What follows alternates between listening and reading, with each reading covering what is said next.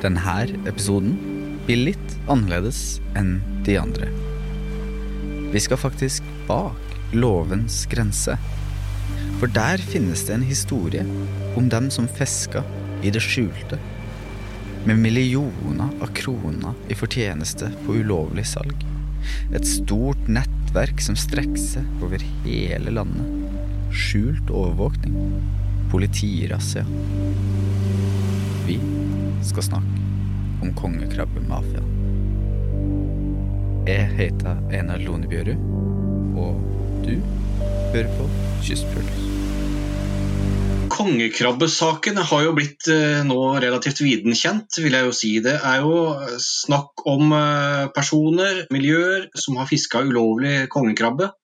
Vil si at de har fiska utenom eh, kvoter, solgt utenom vanlig mottaksapparat og, og, og tjent gode penger på det, som ikke har kommet, kommet myndighetene for øre. Erik Brennelin er journalist og har fulgt denne saken fra starten av. Først i avisa Sagat, og nå for I Finnmark. For vi skal først tilbake til juli 2019 og til Polmak grensestasjon, der tolletaten foretar en stans av en bil som er på vei over grensa med litt tung last. Det var en mann i Værlevåg. Han ble stansa med, med kongekrabbe eh, på grensa mellom Finland og Norge. Eh, han hadde da, og ville prøve å ta med seg over grensa, to frysebokser fulle av krabbe og krabbeklør. Eh, anslått vekt på det skal ha vært 300 kg. Det var på en måte startfasen, eh, sånn, sånn vi har forstått, på, på, det som etter hvert ble en ganske stor opprulling da, fra politiets side.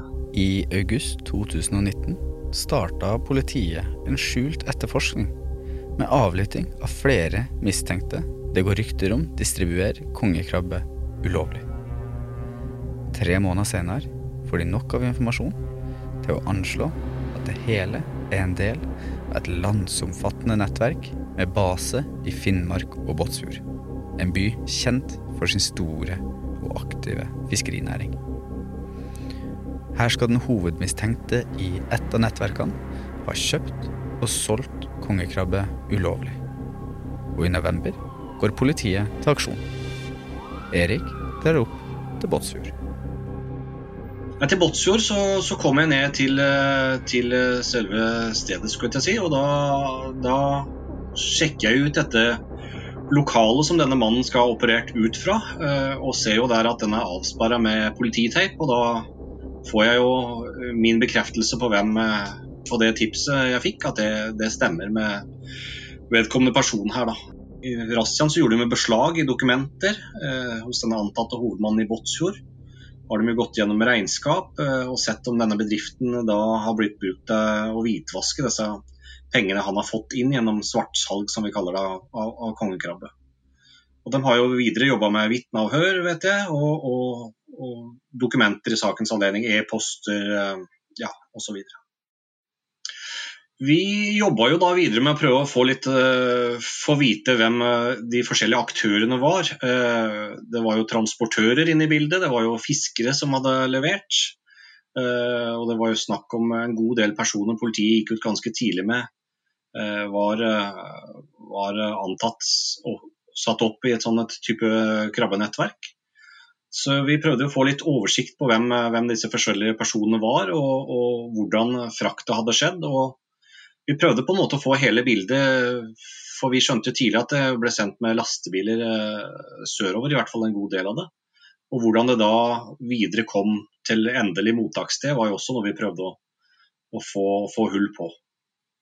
Hvordan uh, opererte dette nettverket? Nei, sånn, sånn, sånn vi uh, fikk det med det, det hovedpersonen uh, i det som man kaller nettverket Båtsfjord, i hvert fall, det, det vet vi nok en del om. og Det er jo en mann som hadde et firma med en eh, også hadde lovlig kongekrabbekvote. Skal ha fiska godt over det. Eh, skal også ha stått i kontakt med andre fisker som leverte til han. Eh, derigjennom skal det ha blitt kontakta transportør lokalt her i Øst-Finnmark, som, som, så skal ha, ha frakta krabben sørover igjen. Denne mannen fra Båtsfjord tror vi jo, eh, det vil jo selvfølgelig politiet komme ut med når rettssaken etter hvert begynner, men eh, har hatt gode forbindelser med folk sør i landet, som, som så har hjulpet til å fått krabben ut til, til butikk, til kai, til fisketorg, hvor det nå enn skulle ende til slutt. Og her, her ble da ulovlig krabbe solgt på, på forskjellige marked? Ja, det, det, har blitt solgt på forskjellige markeder, og det har jo blitt avdekka gjennom politiet flere steder at det er, at det er omsatt. Eh, vi har jo forgreininger til bl.a. Stavanger, det har jo vært snakk om forgreininger til, til, Bergen, og til Oslo har det også vært snakk om forgreininger til i forhold til å uh, kvitte seg med kongekrabben og, og selge den, rett og slett da vi jobba med, med, med, denne kongekrabbesaken i starten, så var vi også veldig interessert i å høre fra, fra fiskere og finne ut om, eh, om, vi kunne finne fiskere som har levert kongekrabbe. Eh, ikke unaturlig så fikk vi jo ikke noen napp akkurat på den biten, men vi fikk eh, snakka med en del fiskere som har eh, to til tre fiskere som har eh, blitt, eh, blitt spurt om de kunne levere kongekrabbe. En av disse her eh, i Fiskeritana fikk jo eh, en forespørsel på fiskerimesse i Trondheim, hvor han var. Eh, hvor de og så, Han og en annen person sto og så på garnredskaper og, og, og kikka og hadde en, ja, en, god fiskeriprat, som man gjerne har på, på fiskerimessa. Og Da ble han rett og slett spurt der ganske så åpenlyst om, om han kunne levere 1000 kg kongekrabbe. Og hvis han gjorde det svart, så skulle han få 200 000 kroner. Og det var penger rett i hånda, fikk han beskjed om, han, denne fiskeren vi, vi har snakka med her. Da. Eh, og Vi har også fått en fisker som, som har eh, fiska ut fra, eh, fra annet sted i, i Øst-Finnmark her, som, som, har fått opptil tre til fire tilbud om å levere 1000 kg krabbe i måneden svart. Men denne har også avslått. da. Og Han er også inne på det som jo en del fiskere som, som fisker lovlig er opptatt av. At uh, blir dette altfor omfattende, så vil det gå utover dem som fisker på lovlig vis. Det forteller jo òg litt om hvordan de, de har jobba, da. Ja, det har, vært, det har vært det har nok vært et område som kanskje ikke har vært prioritert veldig høyt. Og Det, jo, det sier jo tiltalen til denne hovedmannen, antatte hovedmannen i Botso noe om, i og med at han har, er tiltalt nå for å ha fiska i, i ti, ti, år før det blir tatt affære. Så det har nok vært en, eh, et stort rom, et stort mulighetsrom for dem som har, eh, har ønska å benytte seg av å tjene ekstra penger. Har det kanskje ikke vært altfor farlig, for å bruke det uttrykket, i forhold til å bli tatt før, før, denne operasjonen politiet starta da i, og, og, kulminerte med, med, med razzia i november i 2019. Kongekrabbe, som du sikkert har forstått, det gir avkastning. På Fisketorget i Bergen i tida det her ble avslørt i 2019, gikk det for i underkant av 1000 kroner kiloen. Hovedpersonen politiet mistenker å ha stått bak det ene nettverket, skal ha solgt eller medvirka til 467 tonn kongekrabbe alt i alt i sin virksomhet. Og fra juni til november i 2019 skal han ha solgt over 7000 kilo krabbe, som alene vil gi 3,8 millioner kroner. I Båtsfjord eh, skal de ha funnet i en, en, bolig eh, en av disse personene som er knytta til eh, den antatte hovedmannen, skal de ha da funnet 200 000 kroner i, i rene kontanter. Denne mannen sier at det er ikke, ikke fra svartsalg av kongekrabbe, men eh, er, den står i hvert fall som et tiltalepunkt eh, som, i rettssaken som skal opp i juni. Allerede er noen dømt for å ha tatt del i nettverket. Og i juni her i 2021 skal fem av de som politiet regna som hovedpersoner, opp til rettssak i Indre og Østre Finnmark tingrett. Hvis de blir funnet skyldig, er det snakk om år med fengsel. Det kan komme ganske kraftige reaksjoner på, på det her, absolutt. Og, og, Grunnen til det er jo at de kommer inn den såkalte mafiaparagrafen om at det er organisert eh, kriminalitet. Og det, det, vil jo føre til at straffen blir eh, strengere enn om, enn om en fisker skulle hatt eh, tatt hånd om hele den ulovlige næringskjeden på, på egen hånd, for å si det sånn. Så det er, det er all mulig grunn til å tro at straffene kan bli strenge. og Hvis politiet får medhold i, i sin tiltale mot, mot hovedpersoner i denne kongekrabbeligaen, eller mafiaen, som, som det gjerne også blir kalt. For å si, si det på godt nordnorsk, det er kriminelt det som har skjedd, og det er jo det det er. Magnar Pedersen han er direktør for sjømatdivisjonen i Nofima. Og han har jobba lenge innenfor fiskeri og industrien rundt. I tillegg så har han leda en utredning for regjeringa om ulovlig fiske. Der de så på hvordan kontrollsystemet for fiskeri i Norge er, og hvordan det kan bli bedre. Den saka den kom opp eh, mens vi jobba i utvalget, faktisk talt. Eh, og ble avdekt gjennom et veldig godt arbeid av eh, kontrollmyndighetene og ikke minst politiet. Eh, det er egentlig ganske sånn ei sak som viser at kontrollsystemet ikke er godt nok. For det finnes kvoter på kongekrabbe. Det finnes reguleringer på kongekrabbe. Veldig gode reguleringer, og, og man fastsetter kvoter hvert år. Men noen har klart å omgå det hele ved å fiske ulovlig og eh, produsere ulovlig og selge ulovlig det er ganske hårreisende eh, stort omfang av den saka. Eh, og eh, Det har vært rykter, men det var kanskje ingen som trodde at det var så stort å sette så i system. Og også Magnar forklarer at kongekrabbe det er lønnsomt fiske å bedrive. Det er kjempehøye priser på produktene, og det er vel det som også har drevet det hele. Og det har vært rimelig lett å omgå bestemmelsene, må vi kunne si, når det kunne få et sånt stort omfang.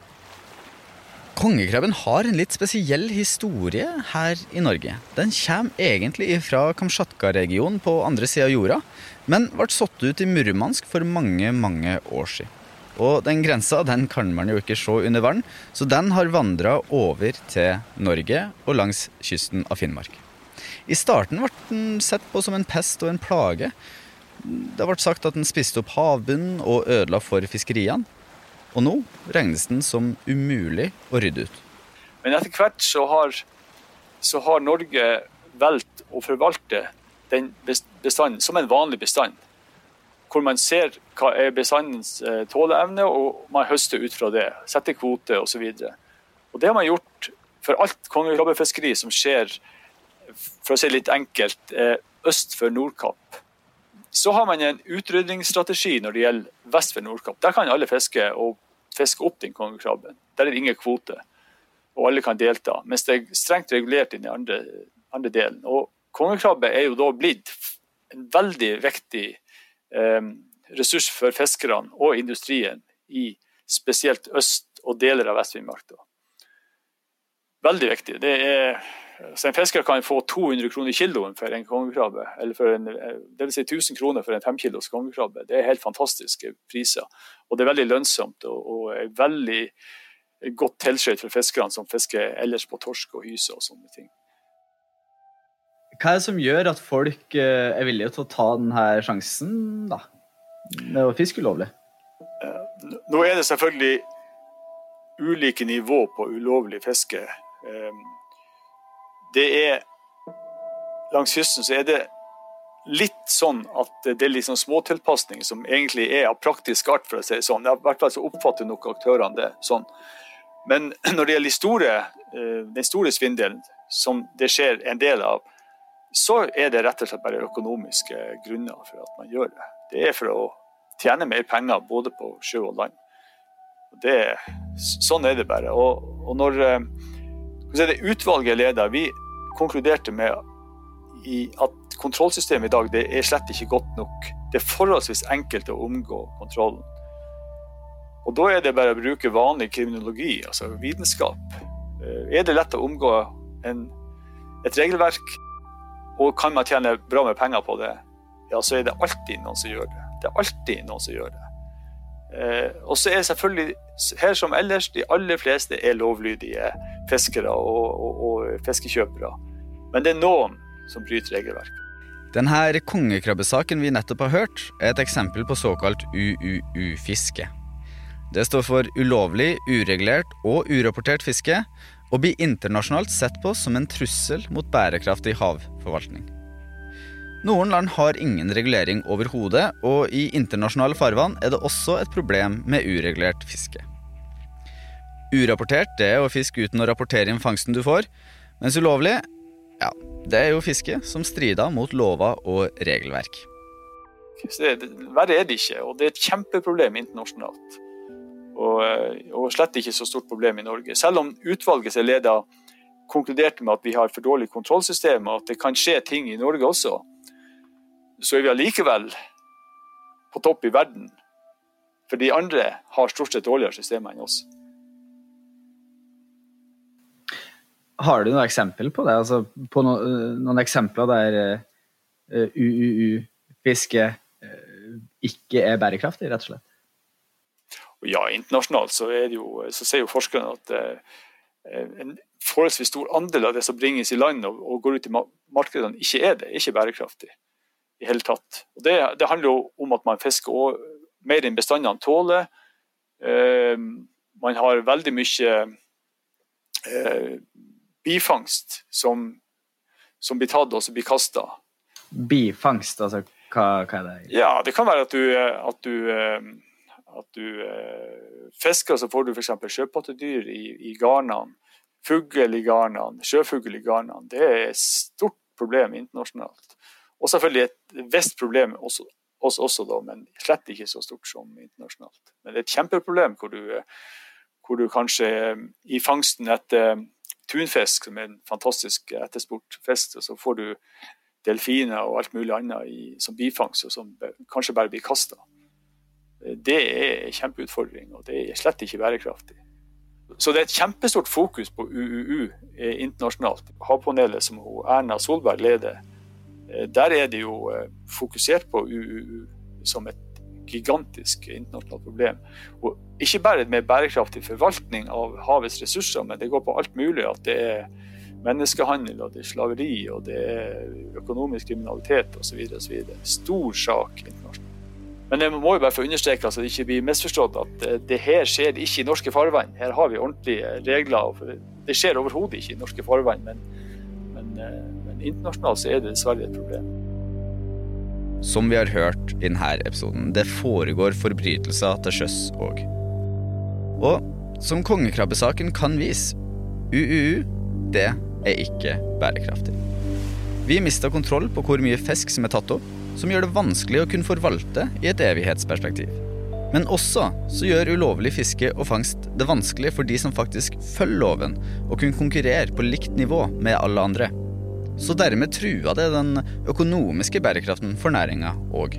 Og så kan du dra det enda lenger og si at hvis noen utnytter arbeidskraft f.eks., ikke eh, opptrer i tråd med reglene for, for avlønning og arbeidsforhold osv., ja, så truer det den sosiale bærekrafta for, eh, for fiskeriene. Så alt i alt så, så er vi i et langsiktig og evigvarende perspektiv så er vi helt avhengig av at vi driver bærekraftig i alle dimensjoner.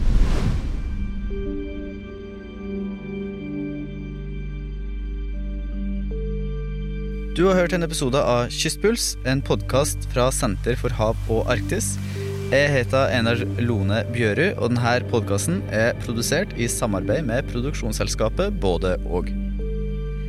Til orientering den rettssaken om eh, kongekrabbesaken starta i Indre og Østre Finnmark tingrett i midten av juni.